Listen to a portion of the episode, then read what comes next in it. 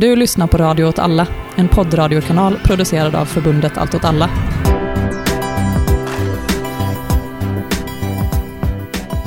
Men eh, jag sitter här med tre personer som kommer från tre olika grupper som vi har jobbat med ganska mycket senaste tiden. Och det är Nikos från eh, hela Malmö. Hej! Nikolas. Nikolas, förlåt. Trevligt att vara här. Ja. Maslum från NCDK, Skåne. Hej, tack så mycket.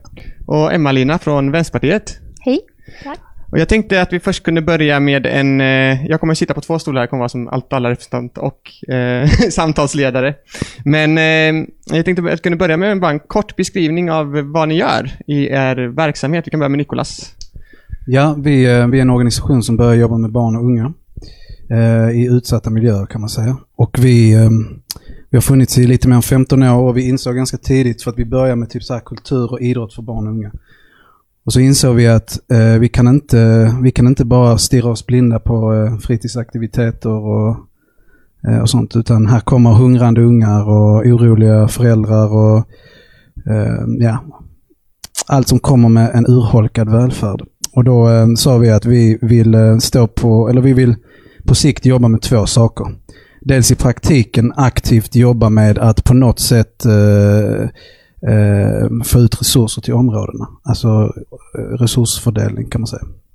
Och sen så vill vi liksom bedriva opinion, få så mycket som möjligt politikerna att eh, styra om och omprioritera och tycka att vi är jävligt jobbiga. Så man kan säga att vi, vi sitter lite på två olika stolar i det avseendet. Men görandet är för oss det viktiga. Och att lyssna och inkludera i de här områdena som vi verkar i. Och då eh, har det egentligen blivit att vi bedriver en mötesplats på Nydala som har eh, en massa aktiviteter. Primärt för barn och unga men vi jobbar också mot, eh, där är många seniorer, föräldrar och så. Så vi jobbar med gratisfrukostar, aktiviteter, biblioteksverksamhet, universitetet är där och så vidare. Så det är egentligen hur kan vi få ut resurserna i området, stärka välfärden, höja levnadsstandarden. Eh, det är det vi gör med fokus då barn och unga. NCDK, kan du berätta lite kort om vilka ni är? Absolut. Eh, NCDK är alltså Kurdiska Demokratiska Samhällscentret. Eh, finns i hela Sverige. Eh, idag representerar vi Skåne då. Eh, finns också som en del i en större eh, rörelse över hela Europa och världen eh, med sitt ursprung då i eh, de kurdiska områdena i, eh, i Mellanöstern. Eh, fyra länderna som är ockuperade. Och Dels alltså en del av den kurdiska frihetsrörelsen och här jobbas det främst med eh, att tillvarata den kurdiska kulturen eh, och de idéer som har fötts ur den här rörelsen om demokrati, feminism, ekologi. Försöka implementera dem där man bor och eh, samtidigt hjälpa till i solidaritetsarbetet tillbaks till de kurdiska områdena. Då. Och här i Skåne så finns vi då främst i Helsingborg och i Malmö. Eh, Malmö är startat sedan förra året, en ny eh, kommun som det kallas. Eh, Och vi delar då lokal också med Allt åt alla Malmö. Så ungefär så. Och så Vänsterpartiet då? Ja. ja, vi är ju ett politiskt parti som försöker påverka eh, politiken inifrån eh, parlamentet helt enkelt. Men vi är ju också en, eh, i Malmö, faktiskt den största partiföreningen i Sverige och eh, har enormt stort antal aktivister som jobbar liksom, dagligdags med att eh, försöka opinionsbilda och påverka politiken på gator och torg och så vidare. Organisera människor. Eh, tänker vi är liksom, viktigt för att kunna nå målet om ett socialistiskt samhälle. Och som lyssnaren då kanske märker så är vi ganska olika. Allt alla kommer från någon form av autonom, utanför svensk vänstertradition. Vi har NCDK som kommer från en mer eh, vad ska jag säga, kurdisk eh, politisk tradition eh, och eh, Vänsterpartiet som är kanske det klassiska exemplet i rummet så. Och hela Malmö. Vad, vad tror ni det beror på att vi kan jobba så pass bra tillsammans här i Malmö? Ändå, trots de här politiska skillnaderna. Att vi kommer från så olika traditioner. Ja, alltså vi har ju inte... Eh, vi har inte i den bemärkelsen samarbetat med Vänsterpartiet. Nej. Och det får, det får vi nämna. Mm. Vad vi, alltså vi, och vi tror det finns, och jag vet inte, det finns en diskussion om detta, men överlag är vi ganska besvikna på hur, på hur partier över, överlag når ut och jobbar praktiskt och aktivt i områdena och rekryterar på, på områdesnivå och lyssnar till de behov som finns. Eh, men eh, samtidigt som vi då givetvis hittar en massa gemensamma nämnare. Och jag tror det är det som är grejen, det vi pratar om när vi har pratat organisationer sinsemellan, precis som vi pratar med många andra, som vi jobbar med, det kan också vara som jag nämnde innan, universitetet till exempel. Så är det hela tiden tillbaka till vad är de gemensamma nämnarna? Vad gör vi? Och ta eh, allt åt allas, ta, ta det fallet, så var det självklart för oss att, att, eh, att, att sträcka ut en hand och stämma av och säga vad, ni mobiliserar ju en massa folk här i coronatider eh, som kan, eh, alltså mer liksom ideella eller så här, frivilliga. Och vi hade mobiliserat en massa, alltså vi hade tryckt på och håller på att trycka på Malmö stad för att de inte ska ta liksom en passiv eh, roll i detta så, utan aktivt vara ute och lyssna och liksom sprida information och stötta upp där det, där det behövs. Och då var det självklart för oss att, eh, att kroka arm med Allt åt alla. För att eh, de aktivt involverar en grupp, vi en annan. Och var också jävligt snabba på bollen. Så jag tror att hela tiden eh, försöka hitta den gemensamma nämnaren. Den minsta gemensamma nämnaren till och med. Och utifrån det bygga. Och det är så vi, det är så vi skapar en enad stad. In där, ja? Ja, jag, jag, jag tror också att det är mycket det att det finns, eller jag upplever det i alla fall som att det inte finns en, en organisationsegoism här på ett sätt som det finns kanske på vissa andra ställen. Alltså att det, även inom vår egen organisation och på andra ställen, eh, är att, att man inte känner att alla måste gå med i min organisation och sen kommer allting lösa sig. Utan man snarare kanske ser att man fyller olika roller i en större rörelse. Där man kan liksom kroka arm och hjälpa varandra och bidra på olika sätt. Att det inte finns en lösning på alla problem utan snarare att man kan lyssna på varandra och hjälpa varandra i de frågor man möts. Och det har jag upplevt att vi har gjort på många sätt. Eh, till exempel kring invasionen av eh, Afrin och den eh, senare invasionen av Rojava nu så har folk gått in och hjälpt till.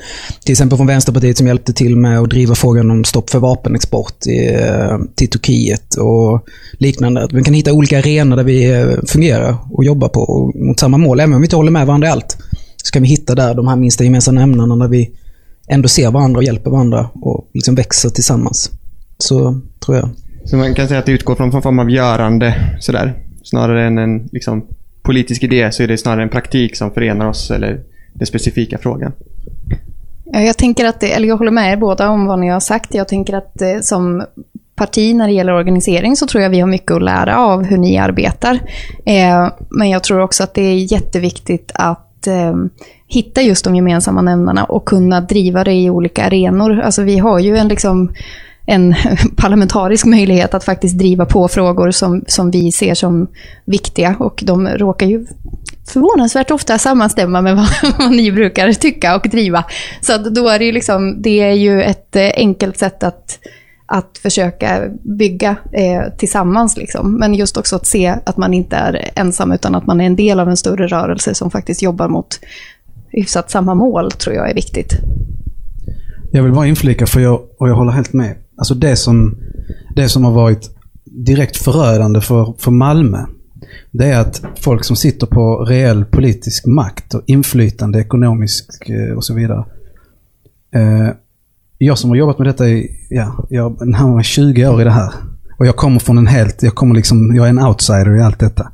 I alla, tänk, på alla tänkbara sätt. Men vad, vad som har slagit mig, det är hur in i helvete jävla mycket folk som sitter på möjligheter att faktiskt vara ute och, och, liksom aktivt skapa liksom en, en enad front för ett bättre Malmö. Alltså, i, och då snackar vi, eh, alltså vi, vi vänder oss ofta till så här barnkonventionen, eh, Agenda 2030 och så är liksom den första artikeln ingen fattigdom. Och så ser man att vissa stadsdelar har över 50% barnfattigdom samtidigt som staden florerar. Alltså så här, mår svinbra. Så, och när man, när man då är inne i de här korridorerna och fattar hur det funkar hur, hur, och ser hur folk så jäv, hur, hur allting styrs i slutändan av ego, som du nämnde, alltså den här egoismen som genomsyrar toppskiktena. Och prestigen och, och, och det, det är, det är fan och därför är vi så jävla angelägna om att vi måste, vi måste, alltså vem som helst skapar någonting fett. Som inkluderar folk och som bottnar i synnerhet i, i eh, de resurssvaga områdenas eh, behov. Där måste vi vara. Skit i allt annat. Och det händer någonting, det, det finns en kraft i det. Och en, och en trovärdig, trovärdighet i det som vi märker. Liksom får med gamla sköna Kockumspanschisar och liksom kidsen. Alltså så. Det är det som enar staden, inget annat.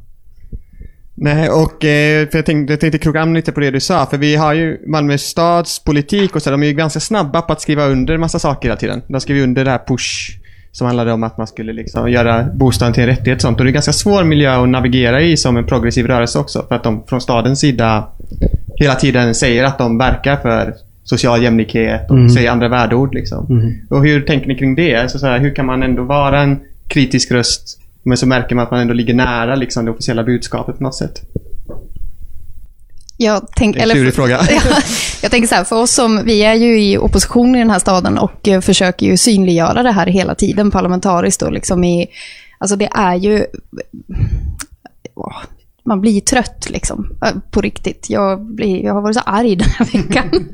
ja, men nu är det e-bolagen till exempel, där man undantar hela staden samtidigt som man pratar om att Malmö är hoppets hamn. Alltså det är ett skämt.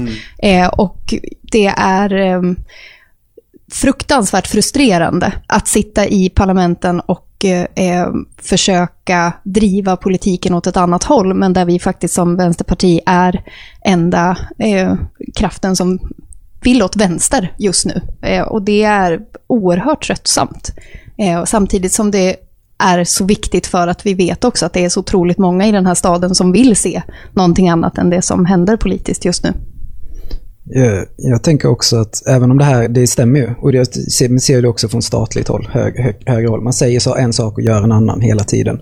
Men jag tror att min känsla är att folk ser igenom det ändå. Alltså att man, man märker ju hur ens vardag ser ut.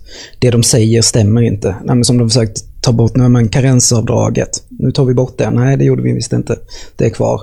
Eh, och från våra håll då, nu i veckan, eh, så blev ju en av våra aktivister utvisade till Turkiet. Eh, och där säger man så här, nej men Turkiet är ett auktoritärt land, det är inte demokrati längre, det går mot en mer auktoritär hållning. Eh, vi vet att det sker på tortyr, USA, EU, Sverige, alla säger det. Ändå utvisar vi nu i coronatid, det går inte ens flyg till Turkiet, ändå skickar vi liksom en politisk aktivist som är 23 år gammal. Eh, för brott han ska ha begått när han var 17. Han har fått livstidsstraff där nere. Det gör vi. Och det, folk ser det. Folk vet att orden, politiker ljuger. Okej, så kan vi säga. De som sitter i staten ljuger. Och det tror jag de flesta är medvetna om. De säger en sak och gör en annan. Och där kan vi ju vara tydliga att vi gör det vi säger och, och vara ärliga i det. Ja, ja alltså för, för oss har den mest befriande insikten och eh, sedermera arbetsformen varit att eh, inte förhålla oss till staden och politiken. Utan drar den jävligt logiska slutsatsen att våra intressen prioriteras inte i de rummen. Och det är liksom så uppenbart. Så vad vi, när vi på riktigt börjar säga vi måste skapa våra egna strukturer. Alltså vi vet att, säg min dotter Dalia, när hon börjar i idrottsrörelsen eller går i skolan eller söker jobb så, kom, så är det en hög risk att hon kommer att diskrimineras. De rummen är inte lämpade för henne av olika anledningar. Eh, och kollar man ut i områdena så är det så jävla uppenbart.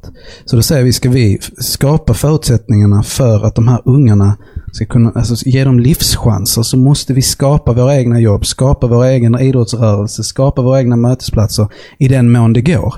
Men sen är det ju så att vi äger ju inte mark och hus och sånt där. Så vad vi då gör är att vi, vi egentligen bara eh, liksom pekar på barnkonventionen, eh, mänskliga rättigheter och säger detta är helt ohållbart.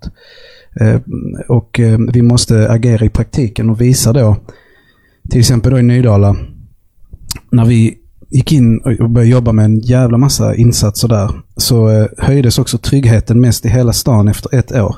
Och då säger både forskare och MKB att det är på grund av att hela Malmö går in, har gått in och verkat så stort och brett och aktivt går in med och påverkar media, gör en massa saker. Och, då, då, och det, det, det skulle endast vara möjligt om vi tror som fan på att det är vi som är kraften. Och det är det jag upplever att många rörelser, eh, i synnerhet ute i förorter, miljon, miljonprogram och så, det är lite tomteblås liksom. Pallar som fan i början har skitmycket kraft. Men förstår inte att systemet är inte eh, eh, designat för dig. Den, det kommer på alla tänkbara sätt motarbeta allting du gör förr eller senare. Och om du inte är beredd på det och tycker att det är fett, alltså det, det här är en utmaning, fan vad grymt detta är, Ja. så kommer det slå tillbaka i ditt ansikte. Och när vi, när vi tog den ställningen, vilket vi gjorde för x antal år sedan, men mer och mer försöker de materialisera, så, eh, så har det hänt någonting som är skitspännande. Och det är liksom, vi är den, vi, vi, det är vi som har makten i vårt rum och andra får förhålla sig till det. Och eh, påfallande är att eh, skitmånga det är ju klart, alla håller ju med om detta, eller hur? Ja. Särskilt de välmående, välsituerade, de tycker det här är exakt, för det är så de lever, eller hur? Och då, eh, så, så vi säger vi vill kunna fatta våra egna beslut, vi vill liksom så. Och då, eh, då händer det grejer som är spännande. Och där tror jag att vi måste, vi måste, så måste vi jobba. I praktiken, ha det självförtroendet att göra. Nej, jag tänkte bara på det här med att man vet att politiker ljuger. Alltså det är ju det som också blir så frustrerande när man försöker att inte vara en sån politiker. Nej, men att man liksom, som nu i veckan så, så jag vet inte om ni har sett det, men Miljöpartiet eh, hade lagt en motion om att ge amnesti till alla ensamkommande till exempel. Eh, som ju inte minst är aktuellt nu under den här coronatiden. Eh, och eh, röstar emot sin egen motion i parlamentet. Alice Bah Kuhnke var ute för två veckor sedan i en artikel där de liksom säger att Miljöpartiet är garanten för, för en värdig asylpolitik. Liksom. Alltså att det finns... Och den... Det är ju väldigt svårt att då eh, liksom upprätthålla ett förtroende för politiken och för demokratin i princip. Om man liksom hela tiden, alltså att det är så man jobbar som politiskt parti. Att man faktiskt inte har råg i ryggen och står för det man tycker. Eh, och det tänker jag att vi, vi alltid försöker göra. Liksom. Sen är det klart att man måste kompromissa ibland och sådär, ni vet som det är när man försöker få igenom någonting, men att liksom inte vika från sina grundmurade eh, ideologiska principer tänker jag ändå är A och O som politiker. Så man kan sammanfatta lite synen här på politik är att det är en fråga om att bygga någonting själv, inte förlita sig på andra och att kräva sin demokratiska rätt på något sätt till staden liksom underifrån. Eh, och nu, vi är ju en ganska komplicerad politisk situation. Vi kommer komma in på corona lite senare, så hold your horses. Men eh, vi är en ganska komplicerad politisk situation. Vi, vi ser ett liksom, fascistiskt parti, Sverigedemokraterna, som växer. Vi var nära att få en borgerlig majoritet förra valet här i, i Malmö. Eh, vad, vad tror ni framtiden har att bjuda på? Liksom? Hur kan vi motverka den här tendensen tillsammans? Hur kan vi se på det? Eh, Jag tänker att vi eh, måste börja prata om det som är, eller måste börja, vi pratar om det hela tiden, men jag tänker att vi måste vara många som pratar om det, eh, om vad som faktiskt spelar roll. Och jag tänker att det blir tydligt nu också på ett helt annat sätt för många fler, tror jag. Men att så här, den gemensamma välfärden, det som liksom håller samhället uppe tillsammans, som gör att människor får livschanser, eh, är faktiskt någonting vi måste bygga ut.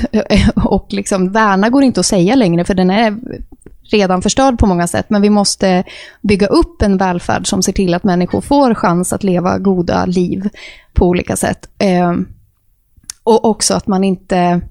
Eh, att man liksom inte ser det som att, att varje individ ska lyckas liksom själv, utan att vi faktiskt ser att det krävs kollektiva gemensamma kamper och vinster för att nå dit. Ja, jag håller med. Jag tror också att det, det vi behöver göra lokalt speciellt, och överallt behöver man göra, det är att vara relevant i sitt lokalsamhälle. Och det kan vi ju se vad hela Malmö gör till exempel, är ju att vara relevant. Det finns ett problem, man löser det. Istället för att bara säga ja men politiker kommer lösa det här. Det här håller inte. Utan så gör man så här, lös den här skiten, vi löser det så länge. Och löser inte ni det så tar vi bara över det här. Då bestämmer vi och så gör vi detta bara. Eh, och vi ser väl samma tendenser som både NCDK och också sett hos Allt åt alla. Typ som i Helsingborg där det inte fanns en förskola då för de kurdiska barnen kunna få läser sig det kurdiska språket och hela den här biten. Då startar man en förskola. Då löser vi det själva. Eh, så, så tar vi den rollen och så är vi samtidigt kritiska mot att vi sitter inte på några resurser. Ni har alla resurser, men ni gör ingenting för oss. Vi får göra det med de knappa, knappa pengar som finns. Eh, men att vara den rösten, alltså vara relevant och vara, lösa problem som finns i lokalsamhället och samtidigt vara väldigt kritiska mot att det är som det är, liksom, att det politiska systemet ser ut som det gör. Liksom. Det tror jag är vårt bästa sätt att vinna mark. Inte bara genom att säga utan också göra. Liksom. Det är jätteviktigt. Nej, precis. Och det lite spiller över till idén om eller tanken om det här efter corona-snacket. Alltså att det, det finns en idé som, alltså om, om jag bara utgår ifrån hela Malmö då, så har det hela tiden funnits en idé att, att eh, tillgodose eh, lokalsamhället. Alltså mer och mer har vi gått mot att vara en communitybaserad eh, organisation. Ehm, och i den mån vi kan påverka det som är viktigt just i det communityt. Och sen på sikt så är vårt mål då att vi ska kunna stärka fler communities runt om i Sverige och på så vis kanske starta något, något större. Men, ehm, men alltså för, för oss handlar det om, vi, vi har en massa företag som finansierar våra, vår verksamhet. Vi har staden finansierar stiftelser och så.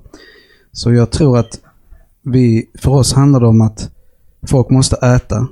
Folk måste kunna gå ner till Ica och handla utan att vara rädda för det som händer på torget.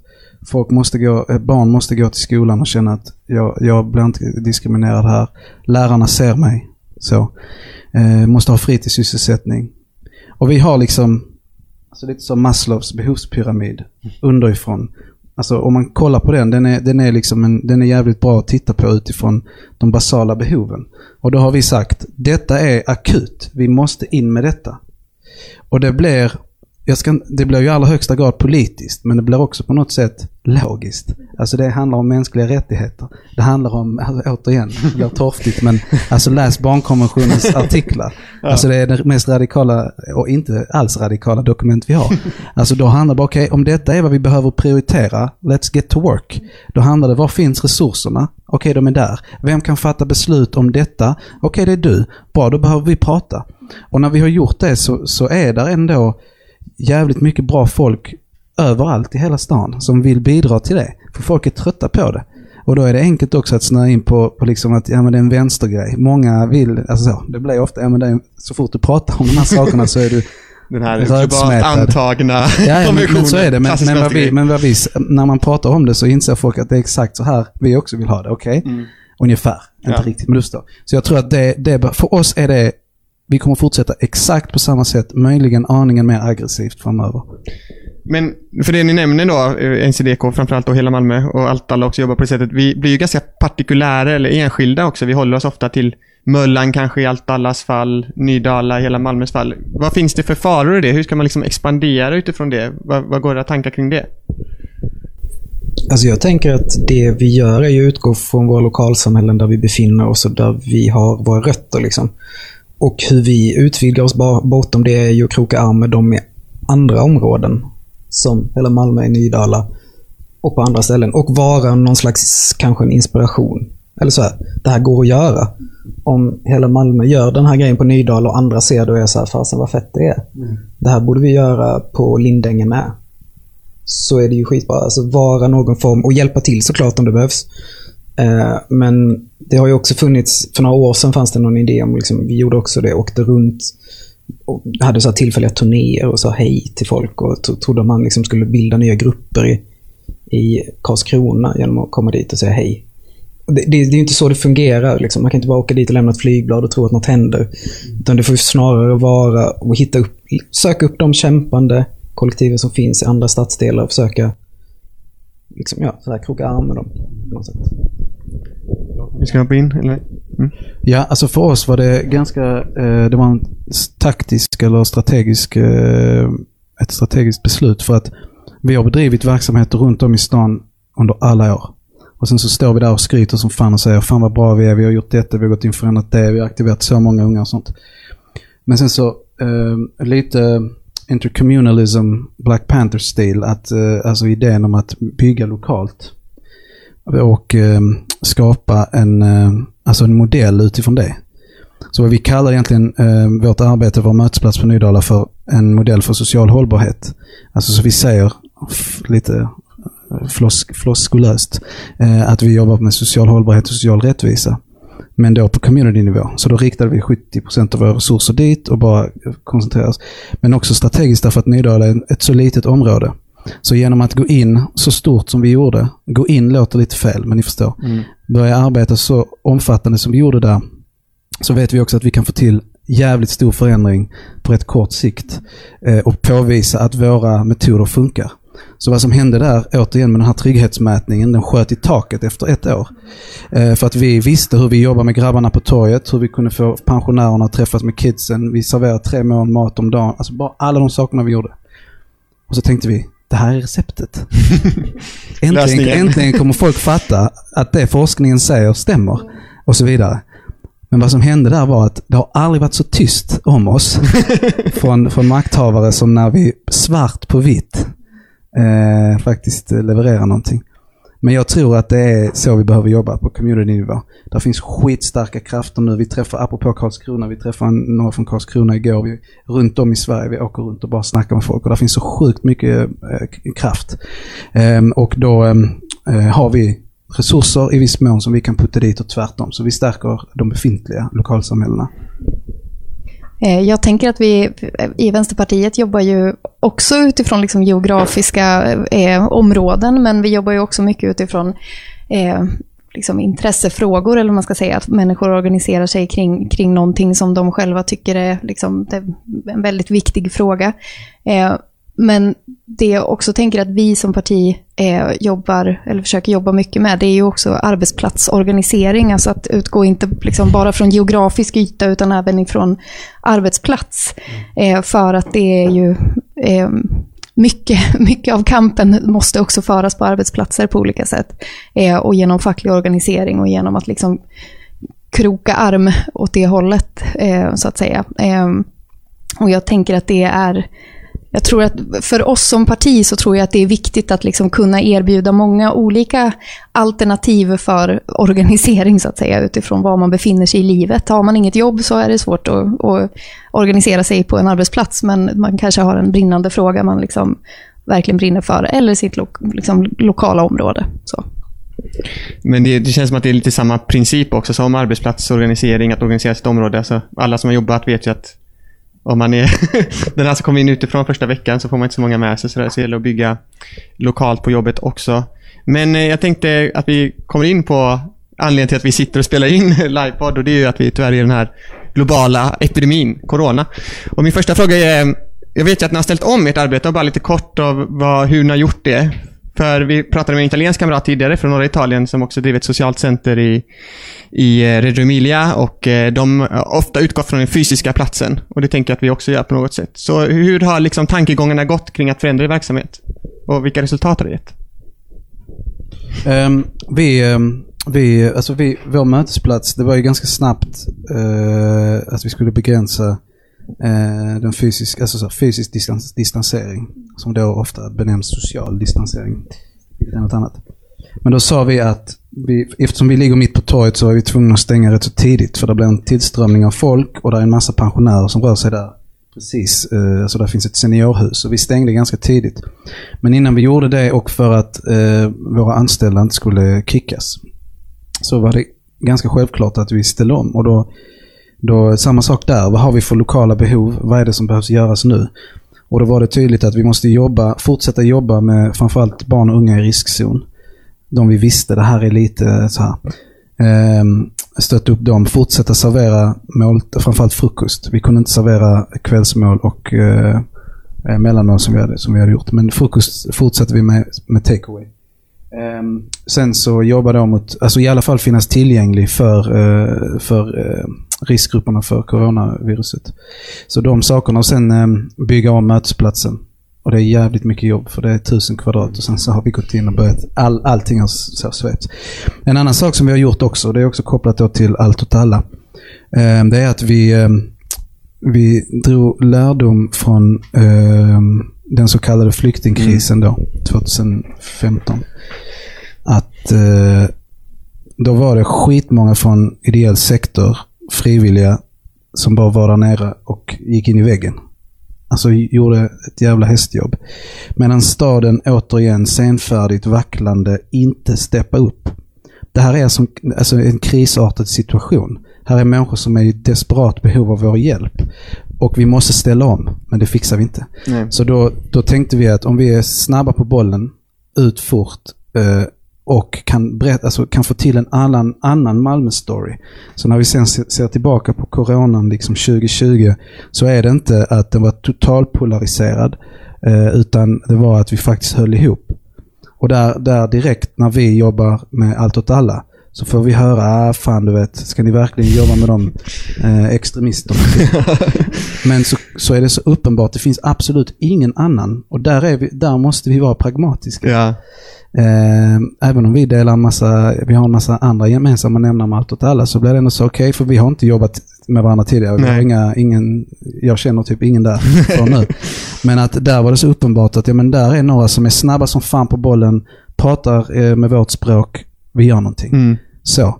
Och där, så det, det, tror jag också var fett. Och där, där var liksom ungdomsmottagningen, stadsbibblan, företag, andra som hört av sig till oss och sagt vi, vi ställer vår personal till förfogande, vad kan vi göra? Ja.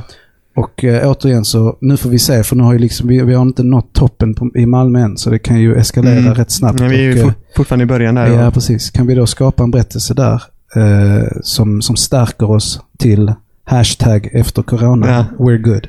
Jo, det känns som att det är väldigt viktigt också att bygga de här sociala banden och också liksom nå människor man kanske inte når annars genom det hjälparbetet och få ihop människor för att kunna stärka oss framöver mot den framtiden vi kanske ser. Ja, in. Eh, nej, men vi har ju också vi har ju ställt om vår verksamhet ganska mycket. Vi har ju väldigt mycket fysiska träffar i vanliga fall, liksom, både mindre och större. Eh, men det, allting görs nu digitalt eller har skjutits fram kan man väl säga. Och rent parlamentariskt så är det också mycket som sker digitalt på gott och ont. Eh, men eh, det vi, det vi har försökt göra, det är ju, ni var ju rackarns snabba med granne till granne. Och vi har ju försökt uppmana alla att eh, liksom delta i detta, Ja, att väldigt hjälpa till. Eh, istället för att liksom försöka göra någonting på eget, egen hand, eller vad man ska säga. Det är bättre om vi kan samla krafterna där det redan finns en, en liksom struktur, tänkte vi. Eh, så. Uh, ja, NCDK har ju gjort lite samma sak egentligen. Uh, har ju gått in i och hjälpt till lite grann till granne samarbetet. Bland annat varit med och tillverkat skyddsvisir som uh, då går till, till vården, uh, stänkvisir. Eh, och varit med och delat ut flygblad och gått in i nätverket. Och det är väl egentligen de stora. Alltså det har ju varit det är väldigt svårt för att NCDK är en väldigt, om man ska säga, en gatubaserad rörelse. Det är ofta men, så här blockader, demonstrationer, situationer där det händer saker. Till exempel som nu eh, med utvisningen. Men då är det så, ja, men då, vi kan liksom inte göra det. Och vi har också fall nu med tre kamrater i eh, Storbritannien som eh, idag går och åker i domstol för eh, terrorismanklagelser då, att de har varit och slagits för YPG i eh, norra Syrien. Och där ville man då ha någon slags markering mot den eh, brittiska ambassaden, men det går liksom inte. Så det är mycket sånt, hur gör vi det här? Hur gör man det digitalt? Hur påverkar vi digitalt?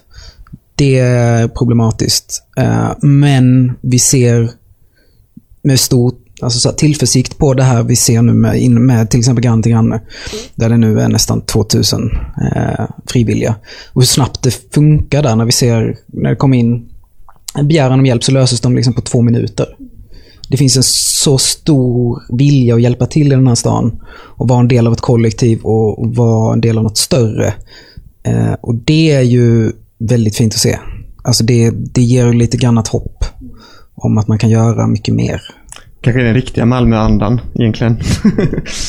men eh, jag tänkte, corona, själva sjukdomen är ju en sak, men det får ju också med sig samhällskonsekvenser. Vi ser ju en ekonomi som bara kraschar och hela tiden. Vilka, vilka utmaningar och möjligheter tror ni vi ser framöver här i dessa tider? Liksom? Finns det några, innebär det här läget några möjligheter för oss eller är det bara pest och kolera? Liksom? Eh, jag vill bara fortsätta på den då. Eh, för det, jag, jag tror ju, alltså det är ju, det är ju en hemsk situation. Men som vi har sagt här flera gånger så ser vi också en kollektivitet vakna till liv som vi inte sett på flera, flera år. Alltså det, det handlar inte bara om mig längre, utan det handlar om oss. Eh, det var länge sedan man såg det på det sättet. Och jag tror också att vi, vi, vi ser en fråga om behov på ett sätt vi inte gjorde innan. Eh, det, det viktigaste kanske inte är att företag ska kunna tjäna pengar på medicinen. Det viktigaste kanske är att alla har medicinen. Typ så. Alltså vad är, vad är våra beredskapslager? Vad är utrustningen som behövs till vården? Vad är alla de här grejerna? Nej men det, det har vi liksom gett till någon som ska tjäna pengar. Typ så. De, de frågorna om kollektivitet och om behov eh, tycker jag att vi ser på ett sätt som vi kan ta. Det kan andra också ta. Alltså, högern ska li kunna lika gärna också ta den här, men det gör de inte. De är tysta. Och det är bra, då får vi liksom steppa fram och visa på kollektivitet och lösningar eh, som rör sig kring det gemensamma. Absolut, det tror jag vi har alla möjligheter att göra. Ja, jag håller med. Jag tror också starkt på att vi är väldigt många fler som får upp ögonen för liksom, vikten av, av det gemensamma just. Och att ha eh, att göra saker tillsammans på olika sätt. Eh, men också att, att det faktiskt är eh, ja, men det är absurt att liksom storföretagen delar ut miljarder i aktievinster till sina ägare samtidigt som de får liksom, eh, miljardstöd från regeringen. Det är absurt att vi har eh, hela liksom, applåder till vårdpersonal men inte höjda löner eller fler personer som hjälper till så att säga. Det, finns så, det är så mycket nu som folk ser, så att drabba dem personligen eller deras vänner eller familj eller så vidare. Så att man faktiskt inser att så här, ja, men vi behöver ju grejer tillsammans. Det är så det blir bättre liksom. Nej, alltså jag håller också med om att det finns en, en, en anda allmänt som jag tror att eh, folk kan bygga på.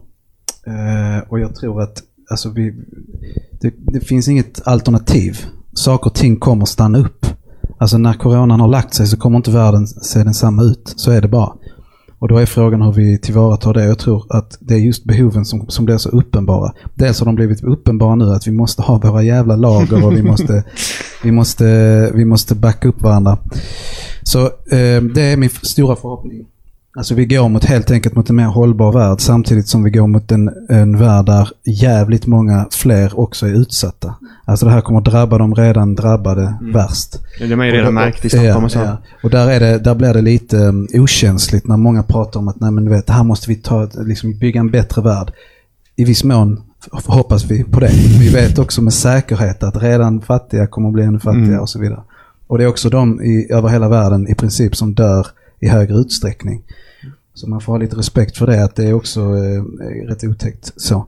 Sen så är det också, för det som eh, jag brinner för när det gäller Malmö är att vi har liksom en stad där, där det finns vissa grupper och grupperingar som är skitstarka, där de känner en stark solidaritet. Men det måste spridas ut, uh, ut i områdena. Så där vi verkar så, så, finns det väldigt få, alltså det finns, kan finnas en stark liksom, community-andas och så. Delar av, av området. Nu, nu är vårt område rätt så fragmenterat i olika så här, åldersgrupper och sånt som inte nödvändigtvis eh, så hänger. Men eh, så jag tror att vår grej kommer vara hur fan lappar vi ihop? Hur krokar vi arm? Över stadsdelsgränserna, över klassgränserna, alltså så. Mm. Den välmående liksom, här, medelklassen som hänger där. Men vad, återigen, ja. vad är våra gemensamma intressen och hur bygger vi över? Och vilka personer finns som kan överbrygga? Alltså det är också de sociala relationerna som jag upplever är, alltså vi har en lång väg att gå. Absolut. Många välvilliga Malmöbor, men ge upp dina privilegier, var solidarisk där det behövs, förstå var du inte har kompetensen att verka eh, och acceptera det. Är ni med? For mm. the greater cause liksom. Mm. Uh, jag tänkte, jag håller med och jag tror att det finns en, en fälla som är farlig att falla i här. Det är att börja prata om Nej, men så, som du säger, de här företagen de behöver pengarna för att de ska hålla igång. Mm. Och egentligen det man säger är att för att folk ska kunna ha jobb och ha lön och, och klara sig. Men det man glömmer då är att alla har inte jobb. Och det, finns, det, det är inte jobben vi behöver. Vi behöver mat, vi behöver någonstans att bo, vi behöver trygghet. Det är det som behövs. Vi behöver inte företagen egentligen. Det är inte det vi behöver. Vi behöver vissa av de sakerna de producerar, men absolut inte allt. Eh, alltså så, inte fastna i att rädda företagen, men rädda folk. Folk, alla de miljarderna ni lägger till de här, lägg det på människor och lägg det på våra behov. Inte på trams liksom. Ja, nu har vi fått upp skylten där att det var fem minuter kvar. Så vi får runda samtalet. Det var väldigt trevligt att ni kom hit. Eh, och eh, sammanfattningsvis kan vi säga att vi fortsätter att bygga lokalt. Vi fortsätter att ha kontakt och vi kommer förändra den här staden i grunden. Tack så hemskt mycket för att vi kunde komma.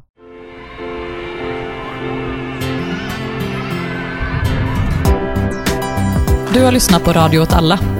Stöd Allt åt alla Malmö genom att bli Patreon på patreon.com snedstreck Malmö eller köp en tröja på webbshop.alltåtalla.se.